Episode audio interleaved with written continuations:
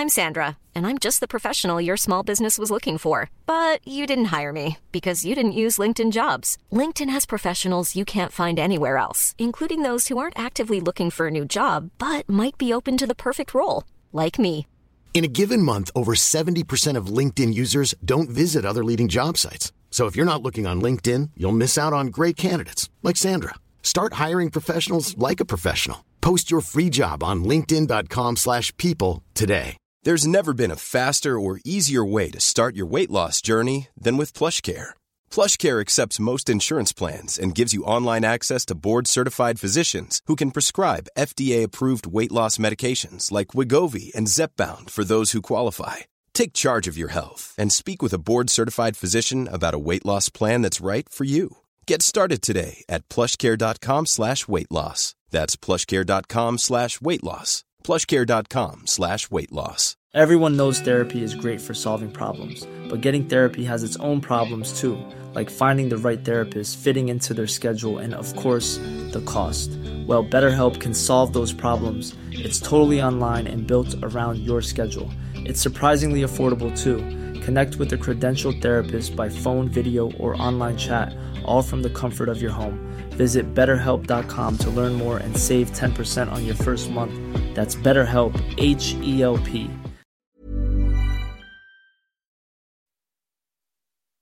Drible vekk, drible vekk, drible vekk.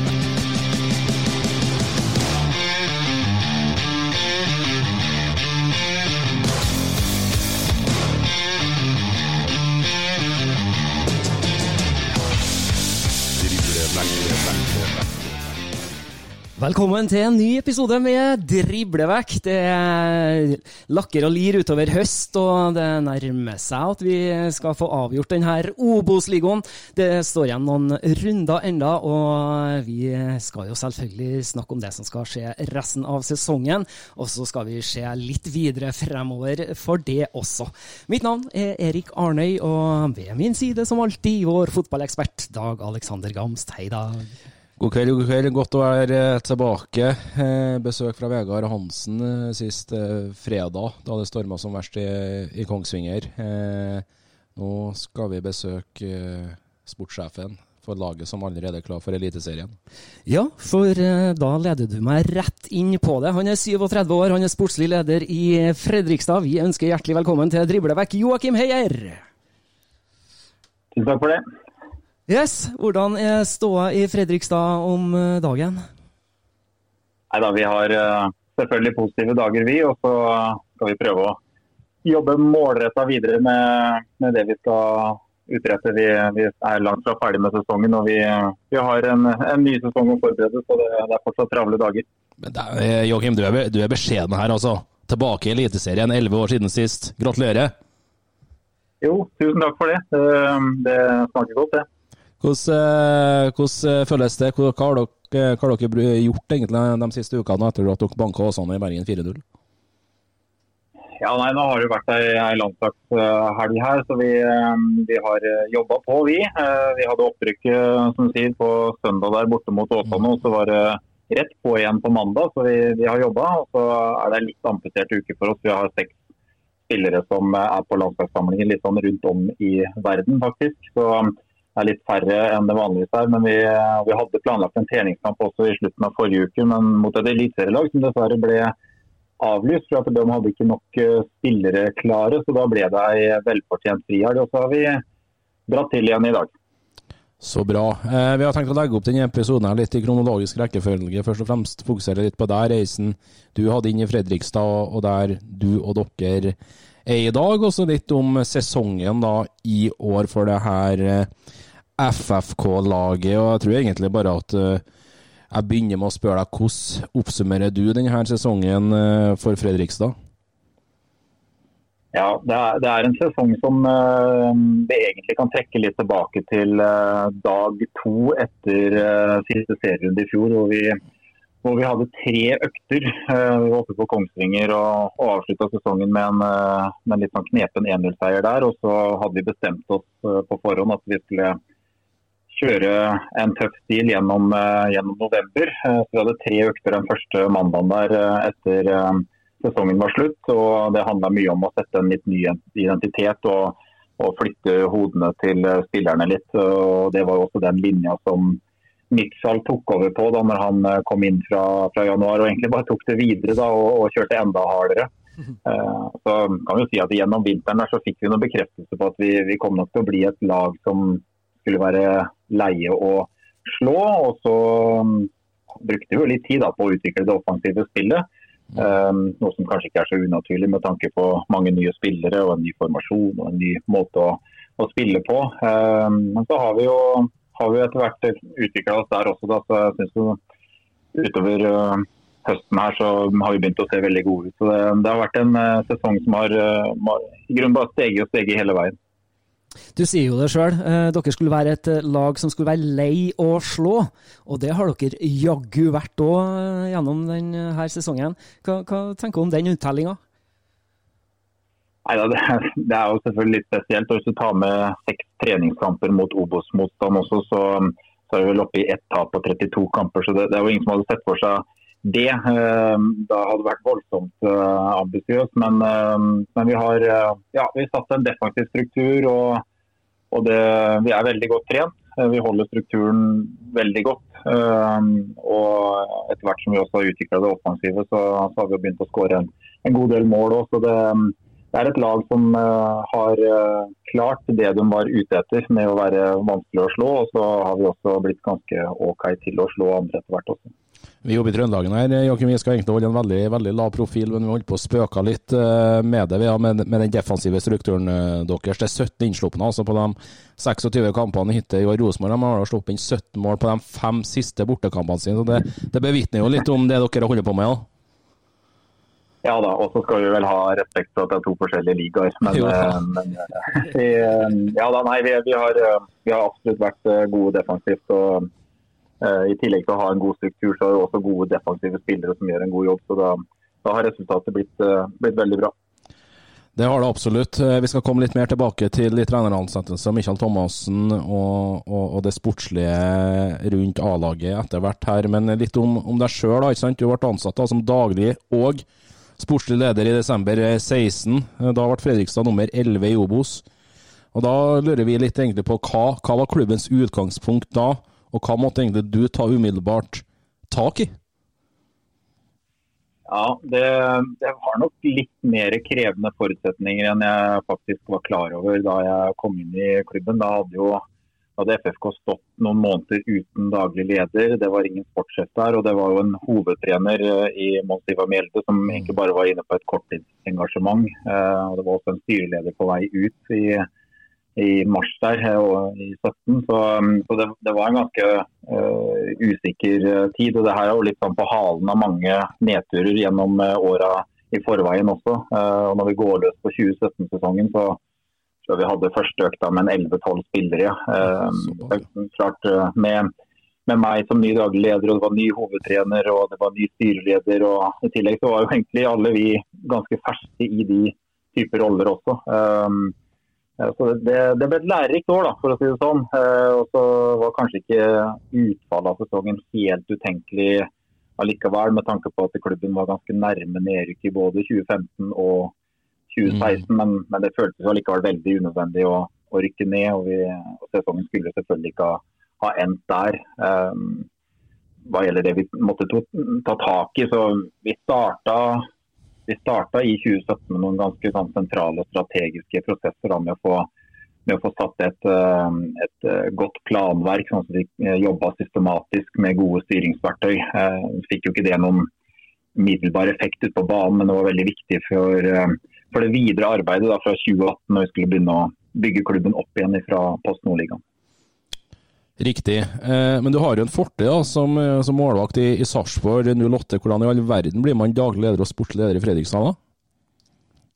Ja, det er jo sikkert et godt spørsmål. Det, det, det ble nevnt et par ganger òg, det. Når jeg ble, kom inn i klubben, eh, så har det heldigvis ikke hefta med. Så det, jeg har nok gått mer fra å være Sarpsborg 08-spiller til å til bli FFK-mann gjennom åra her. Jeg er jo heller ikke sarping, så det er, det er ikke helt, uh, helt den sterke koblinga, bortsett fra spillerfortida mi der. Da, men med tida så, så, tror jeg nok de fleste ser på meg som FFK-mann nå. Ja, riktig. Eh, som nevnt her, så er det stor interesse rundt klubben, og det har vært bra trøkk hos oss i, i sosiale medier. Kristian eh, Strande vil starte med å gi deg ros eh, for den sinnssyke jobben du har gjort for klubben etter du kom inn og har stått i stormen. Han gleder seg vilt da til 2024, uansett hvordan det kommer til å gå. Men spørsmålet hans da, det er når får vi nye seter på stadion? Rosa flamlende seter, famlende seter er ikke særlig innviende. Nei, det, det har uh, godeste Strande der uh, rett i. Og så må jeg jo bare få skyte inn uh, takk for, for, hyggelige ord. Men ja, når de setene blir bytta og det er jo et spørsmål til Fredrikstad kommune, nå, egentlig. Det er jo dem som eier uh, stadion vår. så um, Det er dem som sitter med nøkkelen på når vi får uh, nye seter. Og så har jeg dedikert ganske mange ganger de siste åra at de bør være hvite istedenfor røde, for da blir de ikke rosa med tida. Så får vi se da når vi, når vi, får muligheten til å bytte dem. Det er jo en passende anledning nå, da, så får vi se om kommunen er klare for det.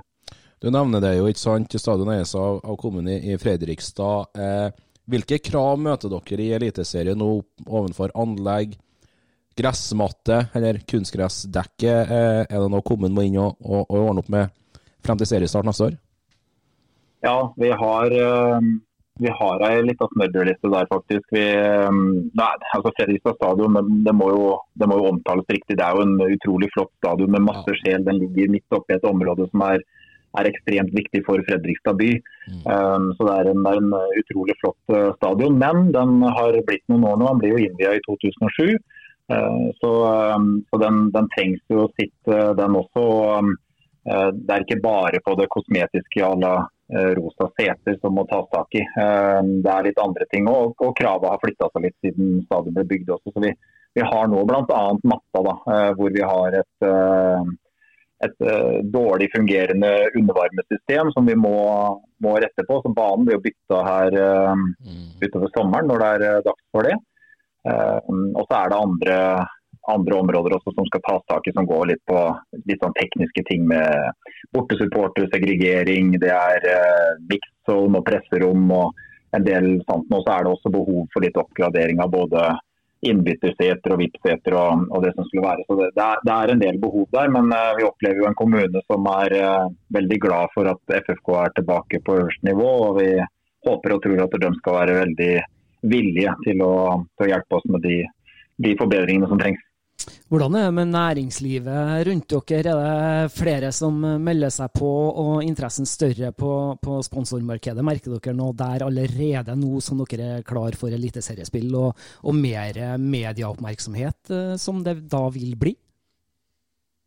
Ja, eh, delvis. Eh, vi, har hatt en fin stigning i, i markedsinntektene de siste åra. Det var blitt tatt noen grep der for, ja, for et halvannet år tilbake som gjorde at vi klarte å å sette litt mer fart i inntektene på, på markedssida. Og så har det økt ytterligere i år, så, så, det er bra. og Så um, får vi vente og se litt på om vi får en sånn kjempeeffekt. Men vi håper jo og tror at um, næringslivet i Fredrikstad skal være med oss. og Markedssjefen vår, gamle stoppekjempen Anders Østli, han, uh, han, hadde en fin opplevelse her om dagen hvor han uh, fikk en telefon fra en kar som drev et uh, selskap som egentlig bare ringte inn for å fornye sesongkortene sine og endte opp med å kjøpe en sponsoravtale på et seksifra beløp. Så da, da, var han fornøyd den dagen. Ah, godt jobba. Det er godt jobba av Østli. Ja, den er, den er, den er herlig. Eh, Spør tida da litt eh, tilbake, et drøyt år. Tilbake 14.9.22. Her da splittes din rolle som daglig leder og sportslig leder, Espen Engebreksen, kommer inn som daglig leder. Hva betyr det for deg, og ikke minst klubben Fredrikstad? På det tidspunktet så begynte det å bli en helt naturlig utvikling. fordi mm. Klubben var, har vært i vekst over, over flere år. og um, Det var nok på høy tid egentlig å få, få splitta den rolla og få inn økt kraft, økt uh, kvalitet i det, det samla arbeidet. Uh, så nå har vi en veldig, veldig fornuftig ansvarsfordeling her, hvor Espen styrer jo administrasjonen sin og, og, og, den kommersielle delen av klubben. Det, har gitt økte inntekter. og eh, Det går veldig bra på den sida der av klubben. Og så har jeg eh, det samla ansvaret for den sportslige delen av klubben. Og det, den frigjorte tida for min egen del har jo også gjort at jeg kan eh, få økt kvaliteten i, i det arbeidet. Eh, og så er jo Espen også en veldig rutinert og dyktig herremann som har vært med i toppfotballen lenge, så er en kjempefin sparringspartner for, for meg på, på, egentlig det meste som gjelder innenfor fotballen. Det er jo sånn at det er guttene ute på banen og, og, treneren på en måte som står for det sportslige, og, og nå har det jo gått deres vei med, med opprykk. Men denne rollen med at Engebreksen kom inn og avlasta deg litt, at du fikk jobbe litt mer med sport, han mer administrativt, det, tror du det var en medvirkende årsak til at dere er klar for Eliteserien neste år? Ja, det, det, er det helt klart. Og, og det, det, henger sammen i en linje hvor vi har gjort andre forsterkninger også. Vi, vi har vi forsterka også med, med en Espen Østerhaug, som tidligere har vært kommersiell leder i Vålerenga, kom inn her i starten av 2022. Og, og vi har også gjort andre styrkinger av klubben. Altså, den, har, den, har, jo vokst med tida, men, eh, men alle disse her eh, ressursøkningene som vi har gjort her, har jo vært med på å bidra til en, eh, en sterkere og, og, bedre klubb rett og slett, som klarer å utføre mer. Så det, og, og Espen eh, Engebretsen med, med, sin erfaring har jo vært eh, kjempenyttig for oss eh, all den tid han har erfart det han har gjort med, med Sarpsborg de foregående åra. Kan du si litt om hvordan ditt eh, samarbeid med Michael funker eh, som sportslig leder, han som, som hovedtrener? Det fungerer godt. Det, det matcha egentlig veldig bra for det. Fra den første samtalen vi hadde, så merka vi nok begge to at vi har mye like tanker om, eh, om hvordan vi ønsker å ha det. Så, så er selvfølgelig Michael en en eh, veldig dedikert person rundt det han gjør eh, med teamet sitt og, og A-laget sitt. Og, mens jeg har litt mer de lange linjene. Men han er absolutt en, også en engasjert mann hva gjelder de tingene som er innenfor mine ansvarsområder. Så, så man får mye, mye både innspill og støtte og, og, og gode diskusjoner rundt uh, hverandres roller. Absolutt. Er det noen steile fronter? Krangler dere, eller er dere stort sett enige? Eller må, må, må du jenke deg mye, eller må, må, han uh, tilpasse seg? Uh, nei, altså steile fronter blir, blir, feil å si. Men at vi har noen gode diskusjoner uh, jevnt og trutt, det, det, har vi. Men det tror jeg vi begge setter pris på også. At vi kan ha et såpass såpass uh, åpent uh, fora mellom oss da, at vi kan uh, tørre å være litt tøffe når vi, når vi, trenger det. tror jeg bare er sunt for, for FFK at vi, at vi, kan lufte oss litt med hverandre. og Det er nok veldig, altså, det er to roller som kan være litt ensomme innimellom. og det, det tror jeg er, er, godt både for en hovedtrener og for en sportssjef å kunne snakke litt åpent og, og tørre å ha noen litt tøffe diskusjoner også. Ja, En god diskusjon det fører jo ofte til gode løsninger òg. Absolutt. Jeg tror det kommer mer sunt ut av det enn å, enn å sitte for seg sjøl og, og, holde på med sitt. Veldig bra. Eh, I fjor da så ble Fredrikstad nummer ti. Bjørn Bommen Johansen eh, eh, fikk ikke fortsette, fikk fyken midtveis i fjor. Håvard klabba ut sesongen. Kan du fortelle litt, Jakim, når samtalen med Michael Thomassen starta for deres del? Ja, det er som du sier. Bjørn uh, gikk ut av klubben der i midten av september. og uh, Vi la ut en pressemelding der på, på, kvelden. og så Noen timer etter det så var egentlig den første kontakten jeg fikk med, med Mitchell uh, via agenten hans, som sendte meg en melding. Det er en agent som jeg har hatt litt med å gjøre tidligere. Så jeg fikk et velmenende innspill på at jeg burde notere meg Mitchell Thomassen som en kandidat, og litt info om han. Ehm, så gjorde vi det. og så, så gikk prosessen videre med at vi, vi satte ned et uh, ansettelsesutvalg og vi, vi, lagde en profil på, på, hva slags trener vi ønska skulle ta det arbeidet her videre fra, fra neste sesong. Um, og når vi da på en måte henta opp Mitchell igjen som en kandidat, så hadde jeg et, et teamsmøte med han her etter hvert. Og, og fikk sånn sett veldig god et veldig godt inntrykk av han, og der også fortsatte vi prosessen. og han, sånn sett så var han Eh, en, eh, en, veldig god kandidat hele veien her. Du sier vi. Er det snakk om deg og, og Engebrigtsen, da? Ja, altså Vi hadde et ansettelsesutvalg hvor, som, som, er ledet av meg da, i min rolle. Og så hadde vi med Espen Engebrigtsen og så styreleder Jostein Lunde. Så det var vi tre som gjorde arbeidet her. Um, og Så er det jo jeg til syvende og sist da, som, som, har ansvaret for å legge fram en innstilling. Men, men, vi jobber veldig tett og vi var veldig enige om eh, hva vi hva vi skulle innstille her. Og hadde også et styre som var eh, ja, vilje til å, å, gå på et litt uortodokst valg, da, som det tross alt var med, med Mitchell. Men det var et utrolig godt valg. Joakim, kan du fortelle litt hva, hva dere lette etter? Hva var kravspekken til klubben når dere skulle hente ny trener? Ja, det, det, det, vi først og fremst var veldig opptatt av, det var at vi skulle ha en, en veldig sterk treningskultur. Vi ønska en identitet hvor, eh, hvor, vi var en klubb som si, vi, vi, kalte det litt for å tørre å utfordre vedtatte sannheter. For det er mange sånne typer vedtatte sannheter i fotballen. At du kan ikke gjøre det etter at du har gjort det, og hvis du har spilt så mye, så kan du ikke trene sånn dagen etter osv. Så videre.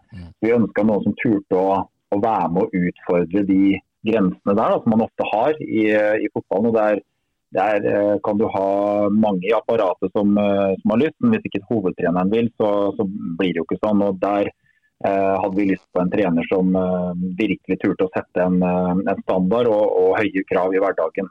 Og en trener som var en driver i klubben. altså En som også var eh, ambisiøs og som ønska å sette like mye krav til oss andre som vi satt til treneren. Um, og så har vi også en, hadde vi også en tanke om dette her med at en, en moderne fotballtrener i dag i den profesjonelle verden, det er vel så mye og kanskje mer en leder enn han er en fotballtrener. Skal selvfølgelig ha begge deler, men vi ønska en person som uh, hadde sterke lederegenskaper. Uh, og hadde der en liten ja, si, forkjærlighet til, til, kandidater som hadde en annen type bakgrunn enn bare fotball. Det er, jo, det, er jo, noe som er en suksessfaktor hos noen av våre bedre trenere gjennom historien i, i norsk fotball. At de har en annen type utdanning og har noe annet erfaring enn bare fotball. og det var, det var, også noe vi hadde med som en sånn liten ekstra eh, tanke rundt eh, profilen til en ny trener. Eh, og Her tikka jo Michala på, på, alt, så derav en, en veldig god kandidat. Da, sånn som vi så det. Definitivt. Eh, kan du si litt om hvilken type krav Mitchell hadde til dere som klubb? Ja, altså først og fremst så at, at, vi, at, vi, var like dedikerte til prosjektet som det vi ville at han skulle være. Eh, først og fremst Espen og jeg da, som førte samtalene med, med Mitchell, og han var opptatt av det. At det, han skulle ha med seg en klubb som, som turte å stå ved den retningen her, og ikke, ikke backa ut hvis det skulle bli litt tøft. Uh, og at, det, at vi var en klubb som var villig til å ta konsekvensene av å ha en så tøff ambisjon, da ikke for resultatet, men for hva slags uh, kultur vi skulle ha i klubben. Betyr det selvfølgelig at man må legge til rette for en god. Du kan ikke, kan ikke tvinge spillerne og trenerteamet til å legge opp til en knalltøff treningshverdag hvis du ikke følger opp med, med medisinsk, med fasiliteter, med kosthold osv. Så, um, så det handla mye om det fra Mitchells side, at han visste at han fikk forutsetninger til å gjøre det som vi ba ham om å gjøre. Veldig bra. Eh, vi har fått et spørsmål på Twitter også som, som eh, vedgår eh, Michael.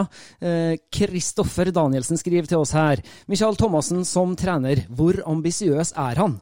Har flere ganger sagt at et opprykk til Eliteserien kun er et steg på veien. Si gjerne noen ord om han som trener, fotballfagmann og person. Er han så gal i gåseøyne at hovedambisjonen er å vinne Eliteserien med FFK i det lange løp? Ja, eh, det var jo mye fine spørsmål i, én en melding der. Ja. Um, ja, Mitchell er veldig ambisiøs. Um, og jeg tror nok at han ikke hadde kommet til FFK uh, hvis ikke han uh, så for seg at klubben hadde et potensial til å være langt mer enn en Obos-klubb. Uh, og at ikke potensialet stoppa ved å komme til Eliteserien. Eh, og så er det selvfølgelig en, en, massiv jobb som skal gjøres for FFK hvis vi skal bevege oss opp i, i toppen av norsk fotball. Men, men, eh, det er jo der vi setter lista. Altså, FFK har jo vært best hvis du går ja. langt tilbake i tid. Eh, og vi har definitivt ambisjonen om å komme oss tilbake dit. Og så er vi veldig klare over at det, det, er et stort stykke arbeid før man får til det. Men vi har en hovedtrener som absolutt ikke er redd for å flytte lista så høyt. og det, det er vi veldig glad for.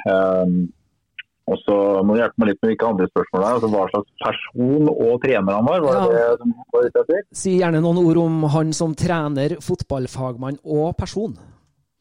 Ja, eh, som jeg var innom litt i stad, så er jo eh, noe av noe av det vi likte med Mitchell, var jo at han har en, en annerledes bakgrunn. Han har jo jobba 14 år i, i ulike tunge lederstillinger i politiet og hadde med seg det. og Det er veldig tydelig når, når Mitchell jobber og prater og presenterer for, for, gruppa, at han har med seg mye annen type kunnskap enn bare det du får gjennom fotballen.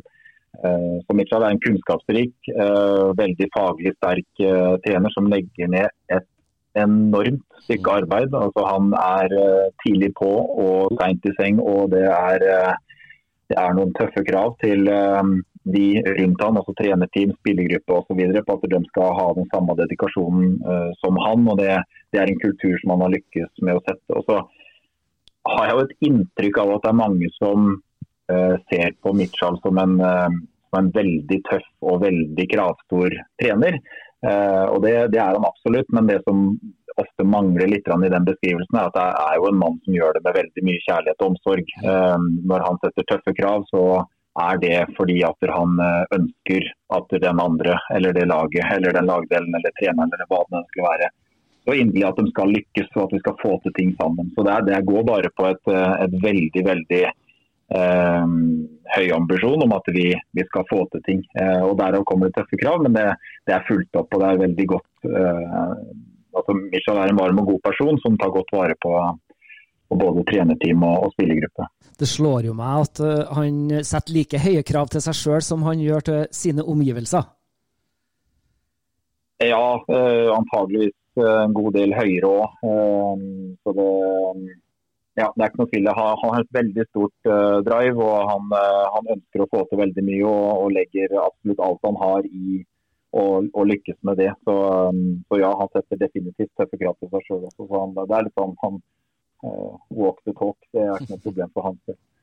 Sant. Du svarer jo til en viss grad på det her, men, men får jo, du får jo det spørsmålet. Er han så gal i gåseøynene at hovedambisjonen er å vinne Eliteserien med FFK i det lange løp? Og, og i dine øyne, hva er det lange løp?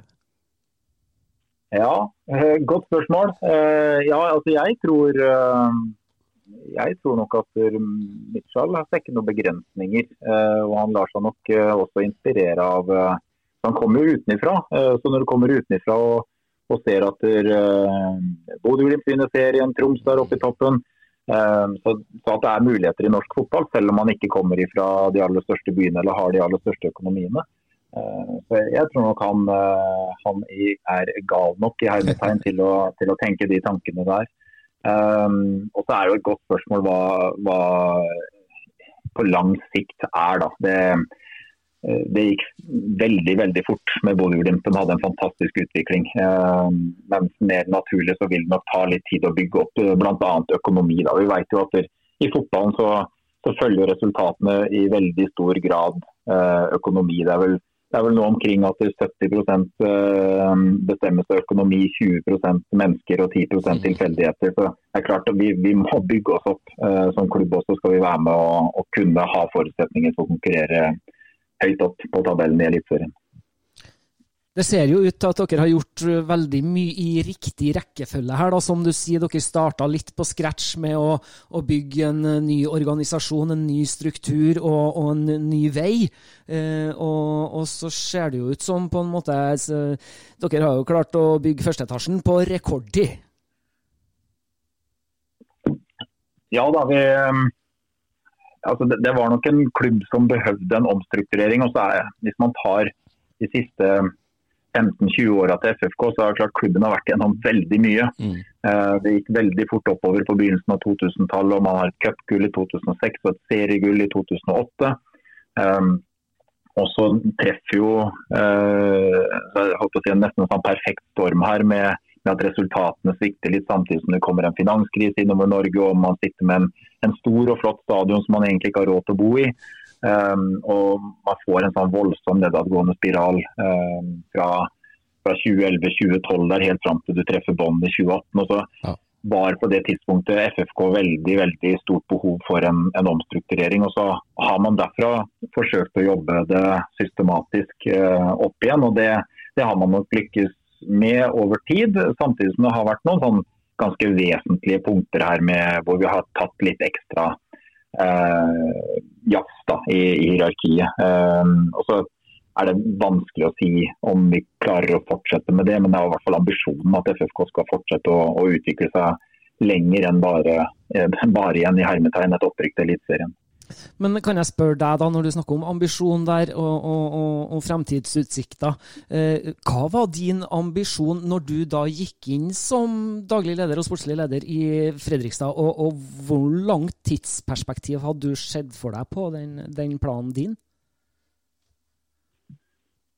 Nei, Det har jeg ikke noe godt svar på. Jeg hadde i hvert fall ikke i forhold til noe tidsperspektiv. Eh, mine egne, mine egne planer var nok, uh, nok, ikke noe sånn voldsomme for egen karriere. Det, det fokuset lå veldig på hva, hva, vi kunne komme til å utrette i FFK. Men jeg kom inn der i i starten av 17 så var det i hvert fall ikke planen at vi skulle fra nivå 2 ned på nivå 3. Mm. Um, men, uh, men, tanken har jo hele tida vært at FFK skal tilbake til Eliteserien. Uh, og det har det jo vært med helt ifra fra den tid og fra vi begynte å lage disse første planverkene våre. Så har vi jo hele veien sagt at FFK sin ambisjon skal være å være en etablert klubb i toppen av norsk fotball. Uh, så, så, det perspektivet har jo aldri endra seg. Men men at det kanskje tok litt lengre tid enn det man håpa på når man starta opp i, i, begynnelsen av 2017. Der, det, det, skal jeg være ærlig og innrømme, men uh, nå har vi i hvert fall kommet dit nå. Da. Så, en som venter på noe godt. Definitivt, og i hvert fall sånn som jeg forstår det, da, Joakim, så har hele tida altså ambisjonen vært om eliteseriefotball så lenge du har jobba i klubben. Eh, Jon Nygaard på, på Twitter han lurer litt på hva du mener var nøkkelfaktorene, og hvilke grep som har lagt grunnlaget for at det ble opprykk? Ja, det blir jo igjen om det da er det lange perspektivet på det, eh, eller om det er det helt kortsiktige. Det, det lange perspektivet, så, så, vil jeg jo mene at eh, det må å lage en, en grunnstruktur med et tydelig planverk, styringsverktøy som, som, gjorde at klubben holdt seg på en, en kurs. Vi var veldig opptatt av at klubben skulle ha en, eh, en langsiktig plan eh, som ga kontinuitet, litt uavhengig av utskiftninger på enkeltmennesker. Den, den, grunnstrukturen der har nok vært viktig for oss for å hele tiden kunne utvikle klubben litt og litt, eh, år for år. Um, og, men hvis han måtte sikte til med spørsmålet sitt litt hva, hva har vært nøkkelfaktorene i år, uh, så, så, lå jo det litt i forutsetningene. Det, det, kunne man jo egentlig ha sagt før 2022-sesongen også. at det, Å rykke opp Hvis du ikke var Brann eller Stabæk i fjor, så var det dårlig, dårlig odds for å rykke opp. Um, og så lå det mer et sånt mulighetenes år der i 2023. Uh, også fordi at uh, det er en ny medieavtale i år. og Det betyr at de klubbene som kommer ned til Obos-ligaen eh, fra 2024, kommer til å være vesentlig sterkere klubber enn det som innimellom har kommet ned de siste åra. Så 2023 var sånn sett viktig, og derfor har vi også gjort et vi har jo satsa godt i, i, år. Eh, vi har lagt mye økonomi i det. Vi har, eh, vi har skvisa sitroner ganske bra for å ha best mulige forutsetninger. Og vi har eh, også jobba inn både, både et, et, en identitet og en, og en spillertropp som har vært veldig retta inn mot å prestere i år. Um, så ja, det, det, spørs litt hvor, hvor spørsmålsstiller hadde tankene sine da han sendte inn. vi skal ta med oss flere spørsmål fra Twitter, vi, og det skal vi gjøre etter det her. Drible, drible, drible, drible, drible, drible, When you're ready to pop the question, the last thing you want to do is second guess the ring. At Bluenile.com, you can design a one of a kind ring with the ease and convenience of shopping online. Choose your diamond and setting. When you find the one, you'll get it delivered right to your door. Go to Bluenile.com and use promo code LISTEN to get $50 off your purchase of $500 or more. That's code LISTEN at Bluenile.com for $50 off your purchase.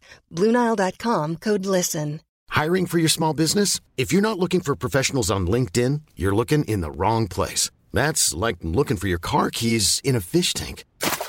LinkedIn helps you hire professionals you can't find anywhere else, even those who aren't actively searching for a new job but might be open to the perfect role. In a given month, over 70% of LinkedIn users don't even visit other leading job sites. So start looking in the right place. With LinkedIn, you can hire professionals like a professional. Post your free job on linkedin.com slash people today.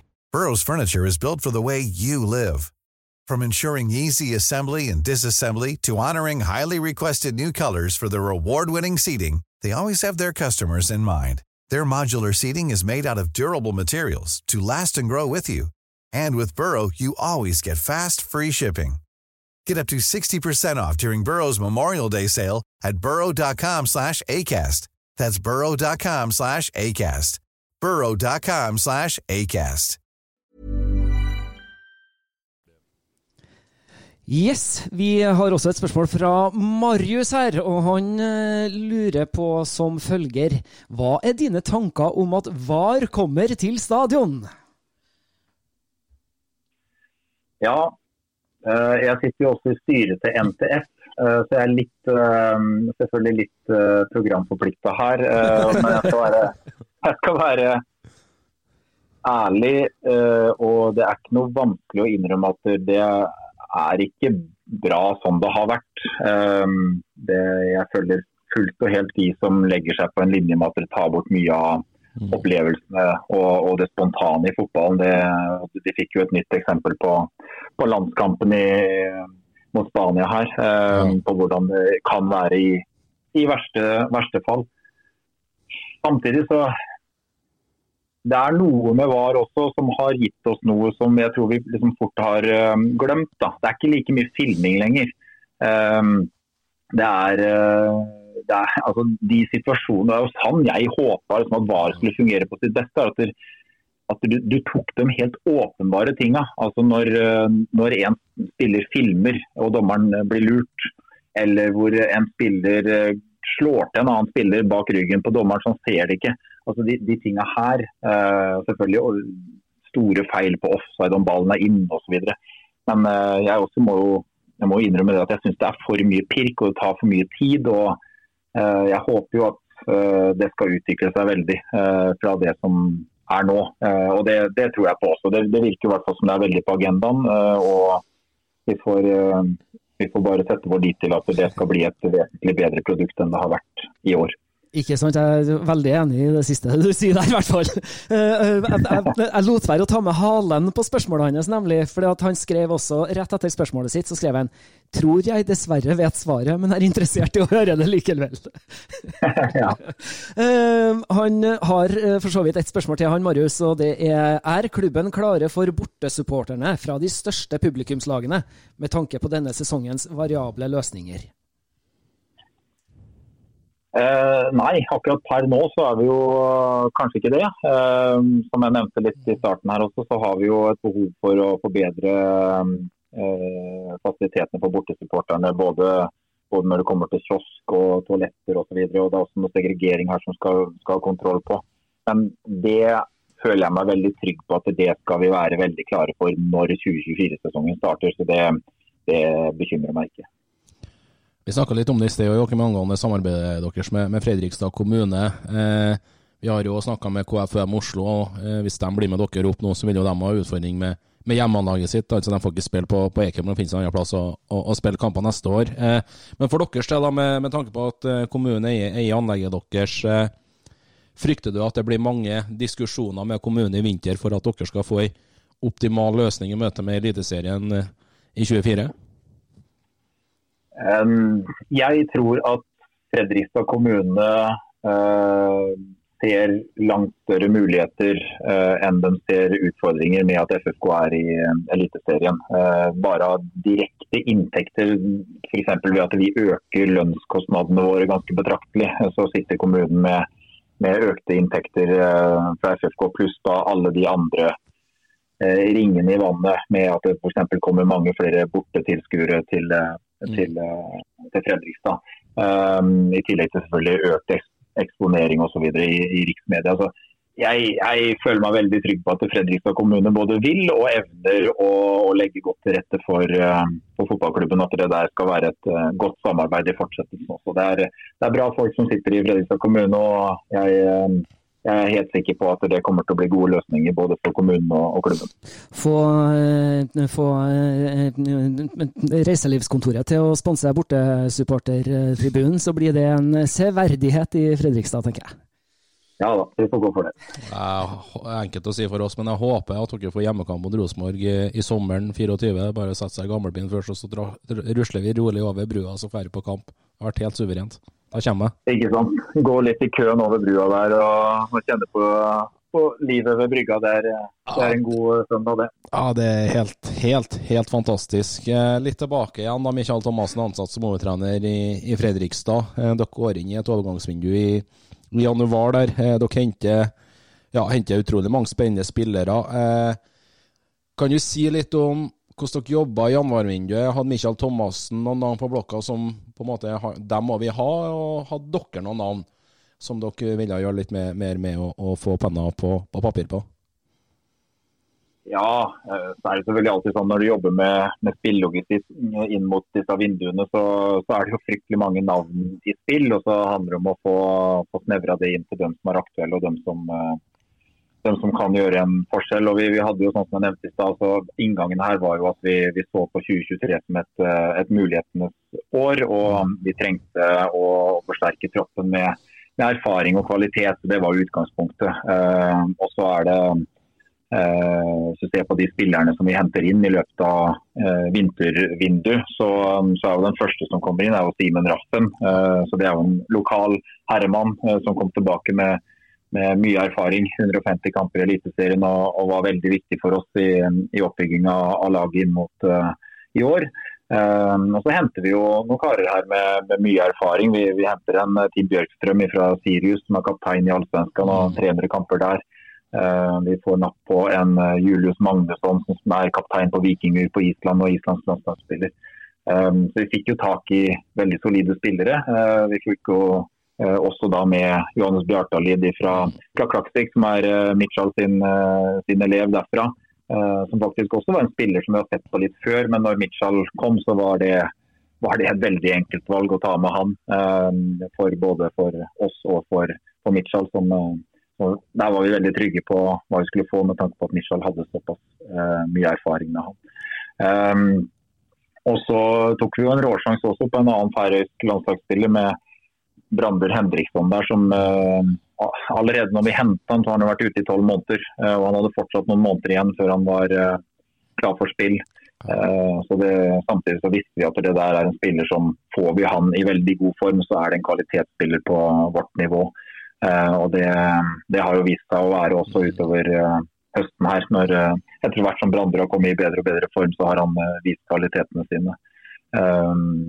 Og Vi henta også inn Patrick Metcalf, som var med på, på et opprykk med Stabæk i fjor. Og, og vi henta Boba Conti fra, fra Sarpsborg. Så vi, vi følte at vi fikk inn mye spillere som har vært med på vært med på høyere nivå enn uh, en Obos-ligaen. Eventuelt har vært med på å gjøre det veldig bra i Obos-ligaen. Så det, det, var, det, var, en kjapp oppsummering av det, av det vintervinduet der. og vi, vi følte at vi fikk til veldig mye av det vi var ute etter med det vinduet. Ja, det syns jeg absolutt dere har gjort, og det, det, det er i hvert fall står nå svart på hvitt eh, i dag. Eh, jeg vil bare bite meg merke en ting. altså Dere, dere henter da en kaptein fra allsvenskene i, i Team Bjørkstrøm. Eh, hva er det som lokker han til Fredrikstad?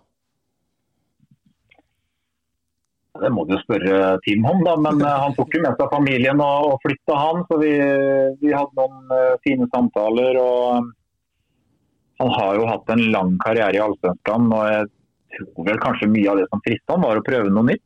Uh, og uh, han, han, nevnte jo noe om kysten og litt sånn istedenfor å være midt inne i, Sverige der.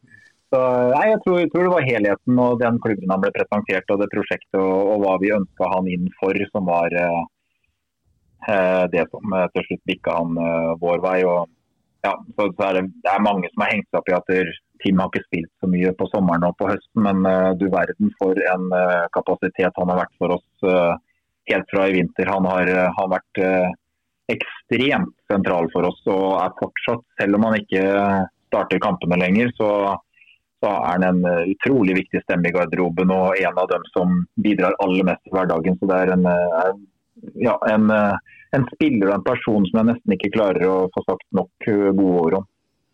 Spennende, og det er veldig veldig godt å høre, Joakim. Eh, vi hadde jo, ja, vi har snakka med mange egentlig rundt Fredrikstad-miljøet etter denne sesongen. her, Arne, og To av dem er Steinar Sørli og uh, Tor Tronsen. Stemmer. Og jeg, jeg syns du kan få gjenfortelle det Tor sa, Arne, og så kan Joakim få svar på det etterpå. Ja, nei, det, uh, Tidlig her i den sesongen så snakka vi både med Steinar og Tor hver for seg.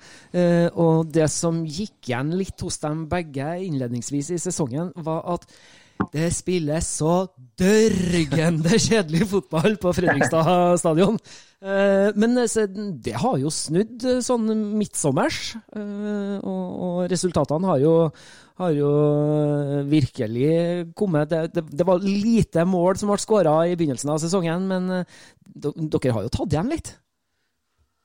Ja, nå er det vel snart vi som har skåret mest. Så eh, jeg tror vi bare er tre-fire mål bak å være mestskårende i ligaen. Ja. Så eh, det, det, har jo hjulpet veldig, det. Um, og så er det ja, det, jeg ser det ikke som så veldig unaturlig. Altså, det er um, ny formasjon, ny filosofi, uh, masse nye spillere. Um, helt bevisst valg av å bygge det defensive fundamentet først. Relasjoner skal settes, uh, samspillet skal, uh, skal fås i gang. og så skal du også legge til at eh, Johannes Bjartalid var skada gjennom hele vinteren. Henriksson var skada gjennom, gjennom, hele vinteren. Kjelsrud var skada gjennom vinteren. Aukland eh, var skada gjennom hele vinteren. Så vi har jo, og I tillegg så fikk vi inn eh, enda nye spillere i, i sommer. Også, så vi har jo hele tida tilført troppen og laget mer og mer kvalitet. Mm. Som har økt kvaliteten i treningshverdagen, som har gitt oss flere alternativer, det gjør oss uh, sterkere utover i kampene osv. Så, så, så, jeg tror det henger veldig godt sammen det at uh, vi har blitt bedre og bedre både uh, som lag og, i det offensive spillet. Uh, det, er, noen veldig sånn naturlige ting å plukke tak i der som, som gir mening på hvorfor vi har utvikla oss sånn. Mm. Det er jo rimelig bra svar på tiltale, de resultatene dere har skapt på, på de to gamle legendenes uh, uttalelser tidlig her i, i vår. Ja, det er bra det. Men Tor prøver ikke å være så veldig, eh, veldig eh, voldsom i uttalelsene sine, så det, det, er jo fint at han eh, ble satt på plass den ene gangen han prøvde seg. da. Ja. Inviter han på kaffe i løpet av senesten her, Joakim? ja, så gjør det. Du, Vi forflytter oss videre fra et januarvindu, og dere Fredrikstad fortsetter å vinne fotballkamper og ikke minst plukke poeng. Så kommer vi til overgangsvinduet nå, nå i sommer. Der syns jeg dere gjør tingene veldig fornuftig og bra. Dere får tak i Sondre Sørløk fra Kisa han eh, noterer seg for målpoeng eh, i match én. Klarer dere å hente Maxwell Valenci også da, fra Victoria Gurimeirs, og en utenlandsavtale på Oskar Aga eh, fra Rosenborg. Eh, kan du først og fremst fortelle litt om hvordan får dere napp på Maxwell fra portugisisk fotball? Ja, det er jo en lengre historie, eh, sånn som det ofte kan være med, med disse spillerovergangene. Eh, Maxwell er jo en spiller som vi hadde øya på i fjor vinter. Eh, og som vi prøvde å hente i forkant av 2022-sesongen. Vi kom relativt nærme, men ikke helt i mål, så da, da ble det ikke noe den gangen. Jeg fikk et veldig godt inntrykk av, av spilleren og personen. og både som ute på banen og, og, ikke minst personligheten hans, som er en veldig vinnende vesen. Um, og så endte jo han opp som du sier der, med å gå til Portugal, og så ble ikke det noen, uh, noen ubetinga suksess. Um, og det her fulgte jeg jo med på, så når våren kom og så at han fortsatt ikke hadde noe særlig spilletid, og han var også flytta ned på B-laget i Portugal, så, så, tok vi opp kontakten der. da. Uh, og etter litt uh, litt overtaling og litt jobbing, så, så fikk vi han inn uh, i sommer. Så det, det var en veldig ja, en overgang som vi selvfølgelig var veldig godt fornøyd med. Og han har jo vist seg å, å, levere også. Martin på, Martin på, Twitter da, han spør hvor fornøyd er du med Maxwell?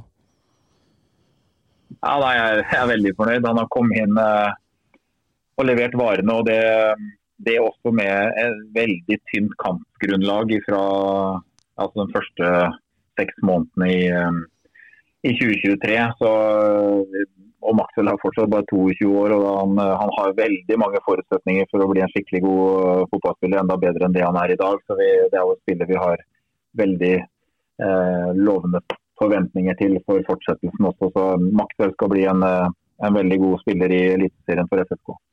Litt om Oskar Aga, da, som dere henter på lån fra Rosenborg. Eh, hvordan fungerer sånne utenlandsavtaler? tenker litt Økonomi, er det dere som tar over lønnsposten, eller er det Rosenborg som beholder? Splitter dere posten? Kan du fortelle litt rundt det der? Ja, eh, Oskar ble jo tilgjengelig for oss fordi at Rosenborg bytter trener og legger opp til 4-3-3 igjen. Så var det plutselig i overkant mange spisser der. Um, og det, Oskar, Alle som følger Obos-ligaen kjenner jo til Oskar Haga. Um, så det, det, var en veldig fin mulighet for oss. Uh, og Rosenborg var interessert i å, å låne ut. Uh, Oskar er jo lånt inn på den såkalte nasjonale utlånsordningen.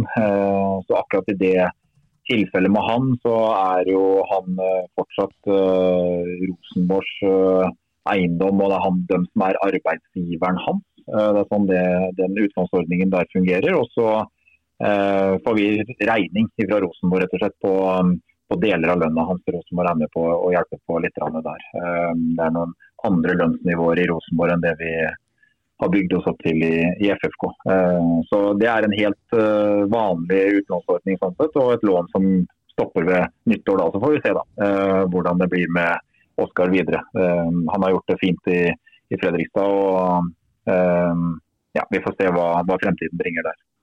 Hvor langt unna er en per dags dato å bli permanent Fredrikstad-spiller? da?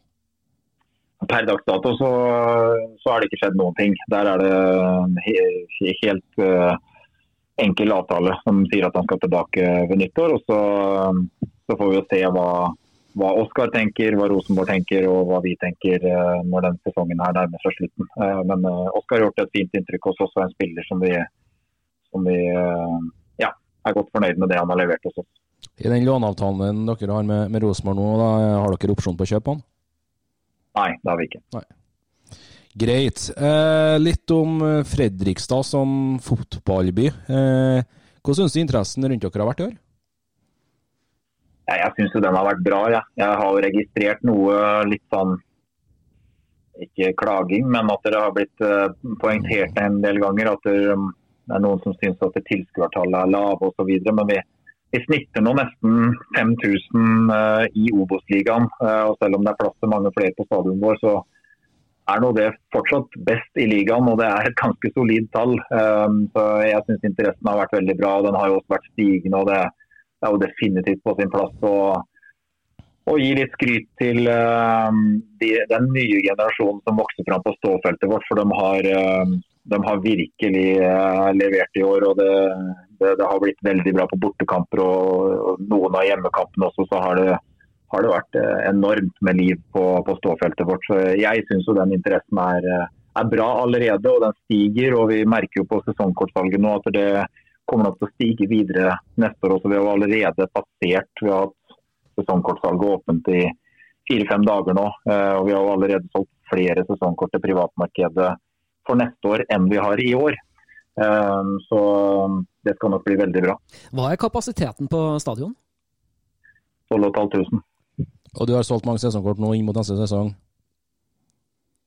Ja, når du tar det spørsmålet rett etter at jeg sa 12.500, så blir det jo et litt største tall. Men vi, sånn, vi, har, vi, har, solgt uh, litt over 1000 uh, eh, sesongkort til privatmarkedet, og det er mer enn det vi hadde til privatmarkedet i år. og så var det totale antallet sesongkort i 2023 er vel drøye 2500, men eh, ja, jeg, tror vi kommer til å gå langt langt forbi det. Så Det, det blir kjempeinteressant å se hvor, hvor, mange som sikrer seg fast plass inn mot neste år. Med tanke på at det er seks måneder igjen til seriestart 2024, eh, så eh, klapp på skuldra til dere. Eh, bra jobba. Jeg tror dere vil komme til å selge atskillig mye flere sesongkort for neste, neste år enn dere gjorde i år. Ja.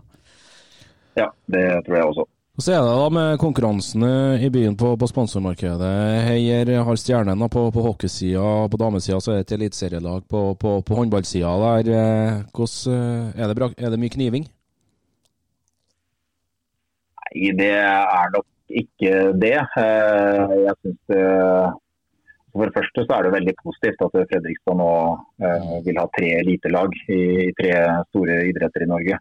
Det er, det er kjempebra. Jeg tror nok heller vi vi vinner på hverandre enn at vi kniver og ødelegger for hverandre. Eh, vi, vi har eh, flere fora hvor vi møtes og det utvikles, utvikles kunnskap og, og inspirasjon. Så, og når det gjelder sponsormarkedet også, så tror jeg nok det er jeg tror det bare er positivt ja, for, for, alle tre at det er, at det er lite på, på, tre forskjellige arenaer.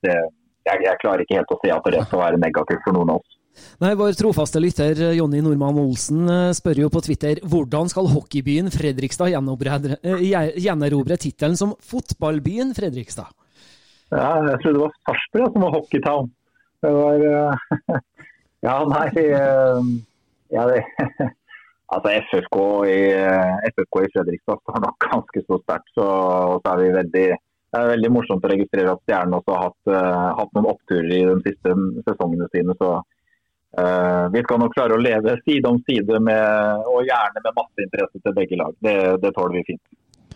Det er godt å høre. Eh, jeg ble utfordra i en annen fotballfolkast her, her, i Norge for 14 dager siden, Joakim, når jeg snakka om dere. og ga dere eh, skryt, som dere selvfølgelig fortjener. og De snakka litt om reisen til Brann og Viking fra Obos-ligaen, som tar Eliteserien med storm, med et cupgull bl.a. i Bergen og et vikinglag som var med og, og kjempa i toppen der. Eh, er det litt de tankene dere har i, i plankebyen inn mot 24, eller? Jeg tror vi skal være forsiktige med å sammenligne med det Brann drev med i Obos-ligaen i fjor. For det, det, var nesten litt av feige lag.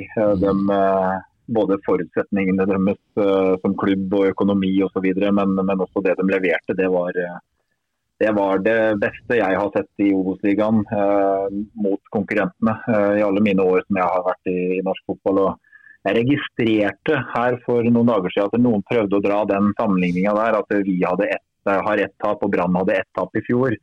Eh, så gikk jeg litt sånn for moro skyld inn og sjekka hvor mange mål er det Brann skårte etter 26 kamper. og Det er jo, det er jo dobbelt. Eh, som, som allerede nærma seg 90 mål. Ja. Så det, nei, det, det, eh, vi følger gjerne opp Brann sin sesong. Det hadde vært utrolig gøy, men jeg tror vi skal være forsiktige med å legge forventningene der. For det, det Brann stilte med i Obos-ligaen i fjor, det var jo et øvre halvdel eliteserielag. Um, det, ja, det, det, det, er, det er det råeste noen har levert i Obos-ligaen noen gang, tror jeg. Det holder jeg med deg i, og det, det, ser man jo eh, resultatene av i dag da, med denne reisen Erik Horneland har gjort med det her eh, brannlaget. Eh, vi fortsetter litt eh, og snakker litt om neste sesong her. Heier, skal, dere skal inn i et overgangsvindu igjen nå i, i januar. Etter hvert, jeg vet ikke om dere kan snakke litt om det, men hvor er dere ser dere må forsterke dere eh, ute på banen inn mot eliteseriefotball? Ja, altså, vi skal i hvert fall forsterke oss, det, det er det ikke noe tvil om. og Det, det hadde vært en uh, tjenesteforsømmelse hvis vi ikke uh, tenkte at vi trengte å, å, å bygge videre. Uh, vi, har, vi, har, en god tropp, absolutt, og det er mange spillere i troppen vår som skal levere veldig fint i, i Eliteserien, men vi skal fortsette å forsterke oss. og så kan nok det være på mange forskjellige områder. Men eh, det viktigste er jo at vi, vi sørger for å være tilstrekkelig kresne eh, i hvilke spillere vi henter, sånn at vi ikke ender opp med å hente bare for å ha henta noe mer. Um, men vi må, vi må, finne spillere som gjør en allerede ganske solid tropp uh, enda bedre. Um, så Jeg har ikke noe sånn veldig godt svar på akkurat hvor på banen osv., men, men jeg skal inn det skal helt sikkert inn spillere som, eh, som skal være med på å forsterke oss inn mot neste år. Eh, Markus Skjævelån Skjæveland heter han på Twitter. Han spør egentlig det om hele Fredrikstad by lurer på. Har klubben snakka noe med Tariq Elanossi? Ja da, det har vi. vet du. Jeg snakker for så vidt ganske jevnlig med, med Tariq.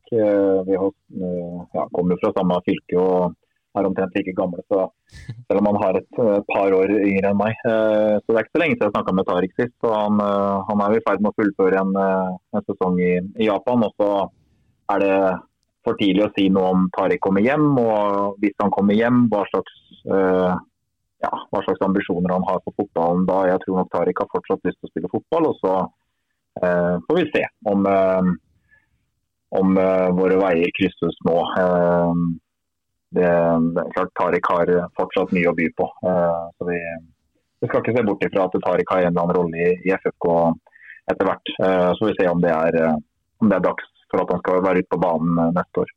Ut ifra samtalene du hadde med Tariq Hytte, da, Heier, hvor stor sannsynlighet i prosent ser du for deg at Tariq Ronesi spiller Fredrikstad neste år? Ja, Det er jo vanskelig, fordi jeg snakker jo med Tarek, og Tarek peker hele tida på kona si og Hedda, som det er, at det er hun som bestemmer nå. Så da må noen spørre hun om prosent. Det har ikke jeg. Hva er Hedda krever? Ja, si det. Den trives veldig godt i, i Japan, sies det. Så nei, vi, vi, får vente og se. Vi får vente og se. Vi får gjøre det. Du, det er mye spørsmål, og det er mye spørsmål rundt spillelogistikk her. Trond Halvorsen er en ivrig Fredrikstad-supporter. Eh, han eh, Ja, vi har vært litt inne på det, om det er dialog med nye spillere fra Eliteserien. Eh, det vil jeg nesten tro at det er, med tanke på at dere skal jo forsterke dere. Eh, han lurer jo litt på, Vi har vært litt inne på det med Oskar Haga, men det kan gjelde flere også. Hva skjer med spillere som er utleid, og de som er på utgående kontrakter? Hva, hva er status der? Ja, Det er jo et arbeid som vi, som vi holder på med nå, selvfølgelig. og som Det kommer til å være en del aktivitet rundt de neste ukene og månedene. Så det er, eh, det er jo en for stor tropp i FFK per nå. Mm. Eh, så det kommer jo også til å være spillere som eh, ikke skal være med i FFK neste år. Og det, der handler det litt om å, å, se det riktig også for spillernes del. Det er veldig gøy å være med opp i Eliteserien, men det er også spillere som skal ha gode hverdager med at de er på riktig sted, at de er med å konkurrere og, og spille kamper osv. Så, videre. så er, der, er det, der, er det, mange muligheter uh, på hvordan det der kommer til å se ut. Men vi, vi, har mange spillere som vi skal gjennom uten at jeg kommer til å gå sånn i detalj på, på, på hver enkelt av, dem som er i den situasjonen der. Uh, og det er, det er, veldig lite som er avklart ennå også. Vi, vi, vi, som er i FFK nå har eh, fortsatt en jobb å gjøre. Vi har en sesong vi har lyst til å fullføre på best mulig vis. og Vi ønsker å bygge videre mot neste år. Og de spillerne som er på, på utlån også, som vi, som vi, har, de eh, har jo sesongavslutninger med sine lag. så vi, vi holder fokuset der det skal være. Og så kommer det helt naturlig etter hvert nå at vi skal ta noen eh, beslutninger rundt, eh, rundt de spillerne der.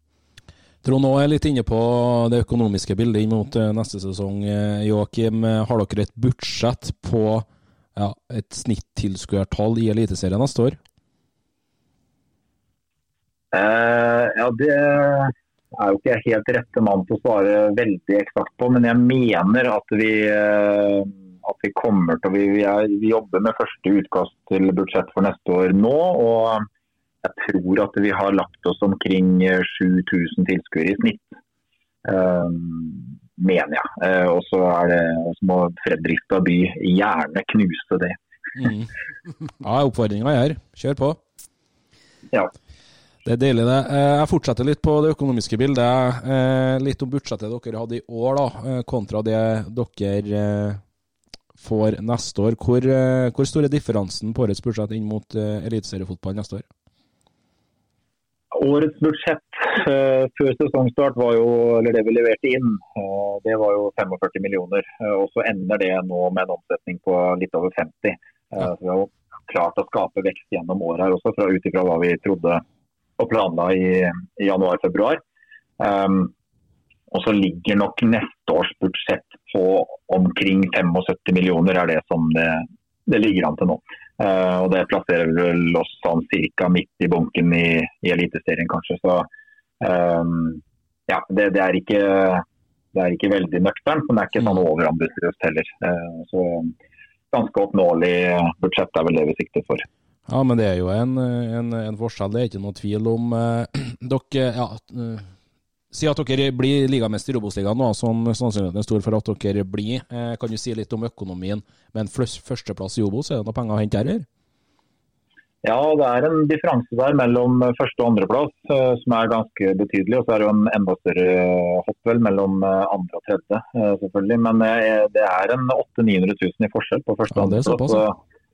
Så det, det, har litt å si, det. Um, og så er jo disse Medieavtalene og, og utbetalinga der er jo sammensatt av flere ting. Altså, du har et flappeløp i bånn som alle klubbene får, og så er det én uh, utbetaling på historikk. på hvordan, hvordan uh, klubben din har gjort det de siste fem-seks åra. Uh, og så er det jo uh, på resultat da, det året, uh, det inneværende året. Så det, det, har litt å si for oss å bli, bli nummer én. Og, det, mm. og helt uavhengig av den utbetalinga der, så er jo det noe vi har, eh, har, veldig lyst til å klare uansett. Eh, så vi kommer til å jobbe veldig hardt for det, og så er det en eh, ekstra gulrot for, for økonomien vår at, vi, at, det også er litt forskjell i utbetalinga. Kan du si hva det beløpet er som å bli ligamester i Obos? Ja, hvis jeg ikke blir arrestert på det. så for jeg, er ikke, jeg er ikke helt 100 på det. Men jeg mener at resultatpremien for førsteplass er like over fire millioner. Og så, og så går det nedover hele veien ned til noen hundre tusen på, på 16.-plass. Ja. Uh, men, men jeg mener at det er litt over fire millioner. Nei, men det hjelper på det, når budsjettet skal nesten dobles eh, til neste år.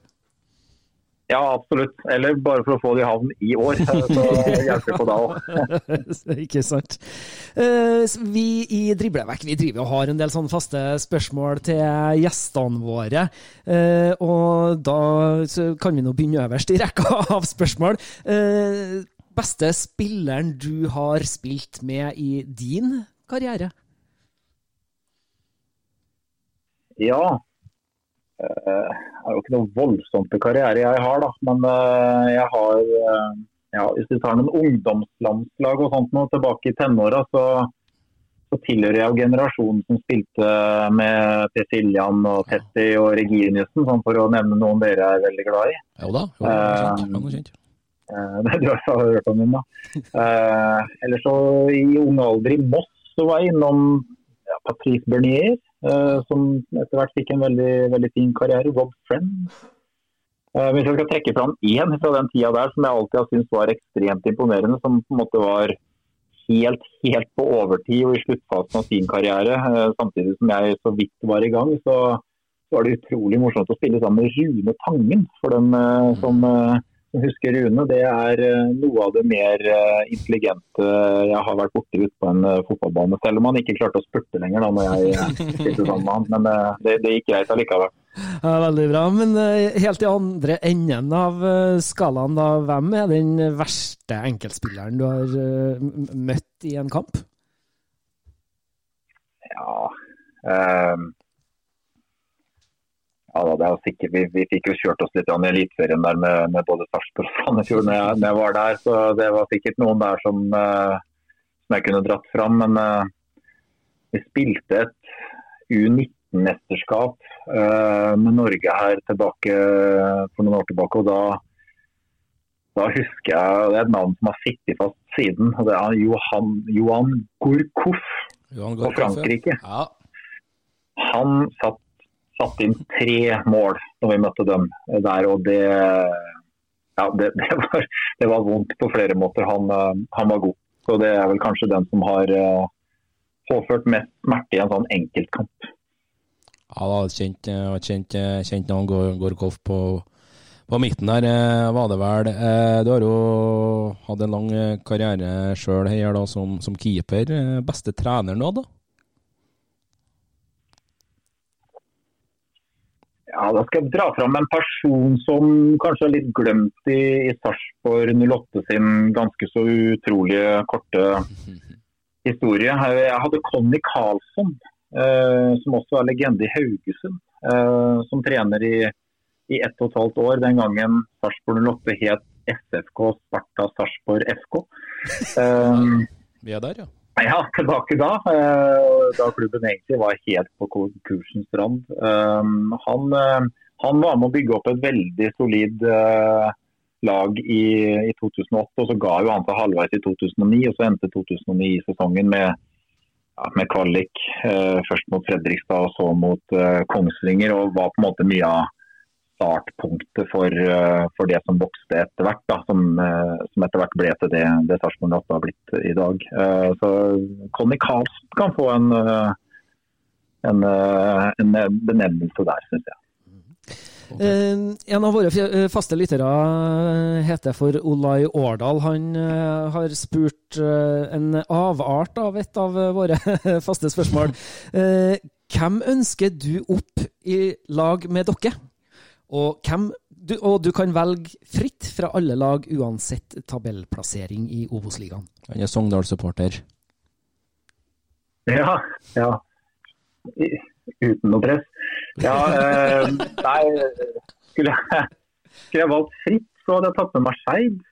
Eh, men eh, det, det, ser vel ut til at det blir Koffa. Eh, vanskelig for å vanskelig for å forestille meg at de skal rote bort eh, 57 poengene er det vel nå, som de har på, på Kongsvinger. Og dem som følger rett bak der. Så mm.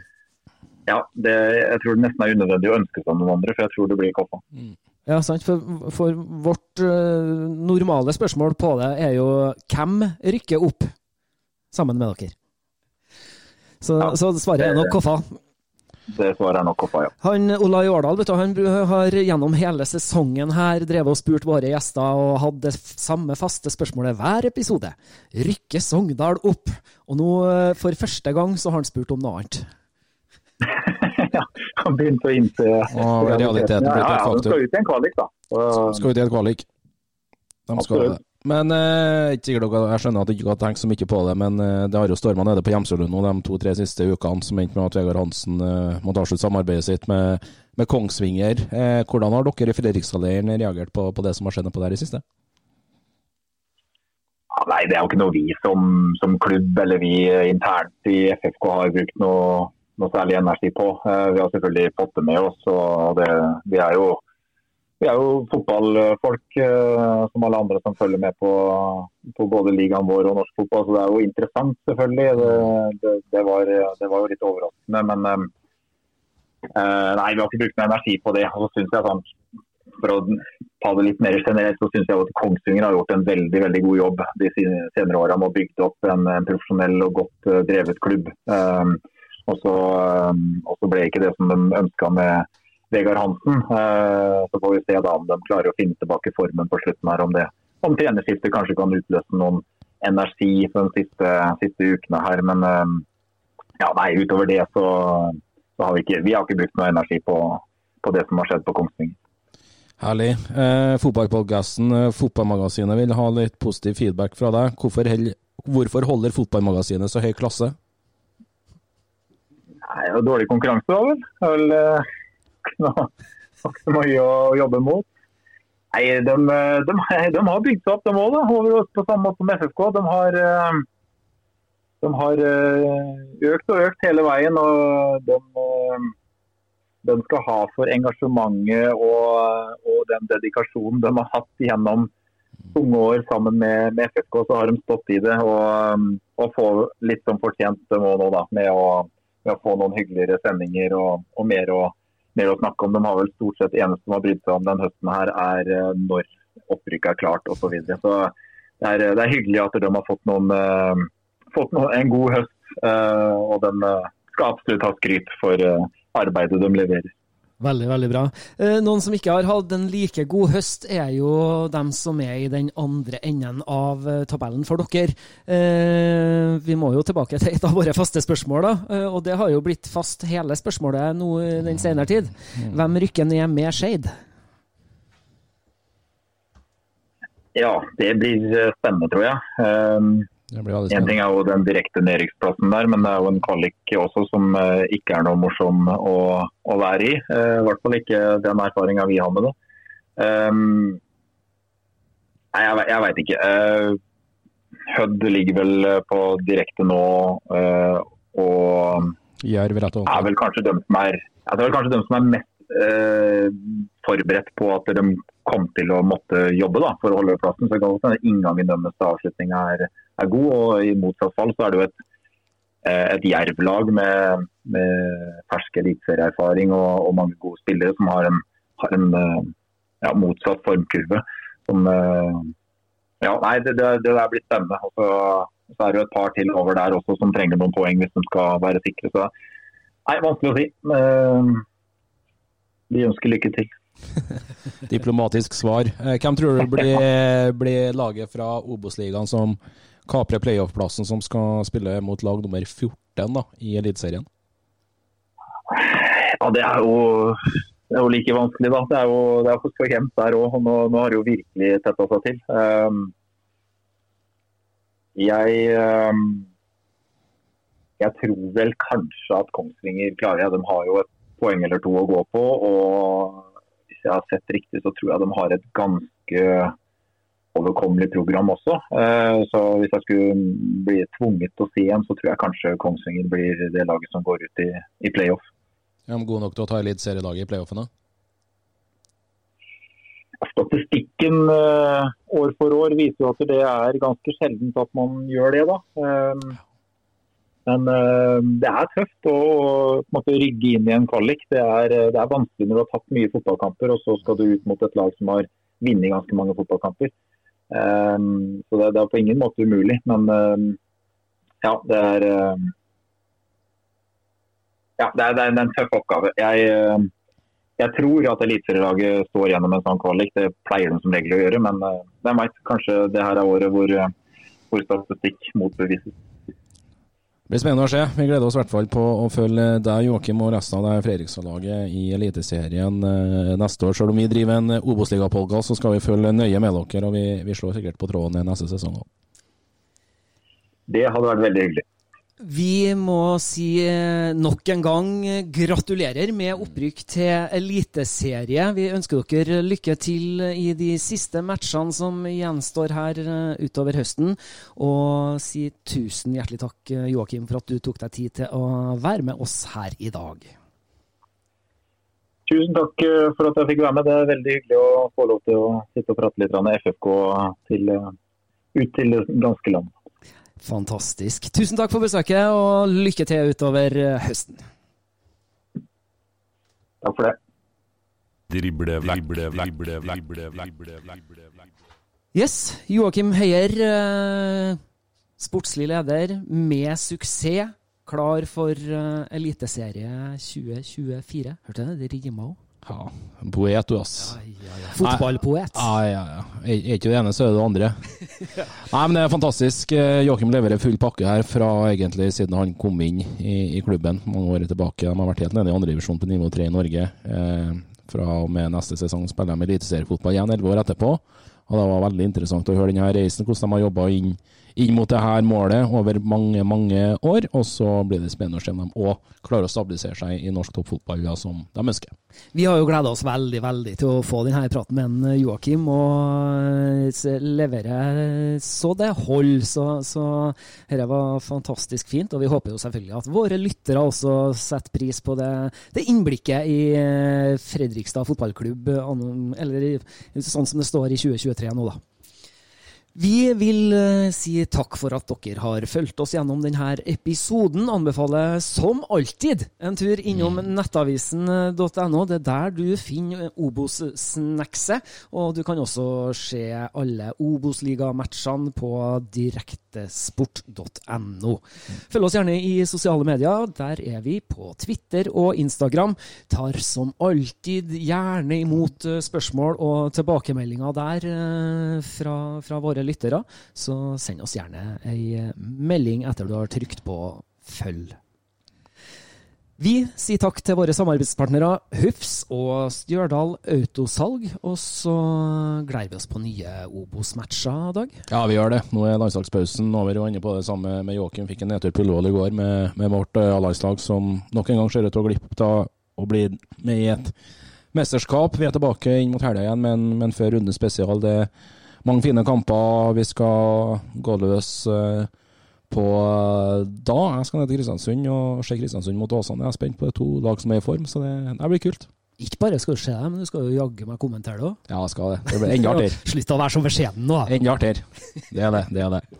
Vi sier takk for følget for denne gangen. Vi er tilbake mot helga med Før runden spesial, som en dag sier. Så uh, høres vi da. Drible, drible, drible, drible.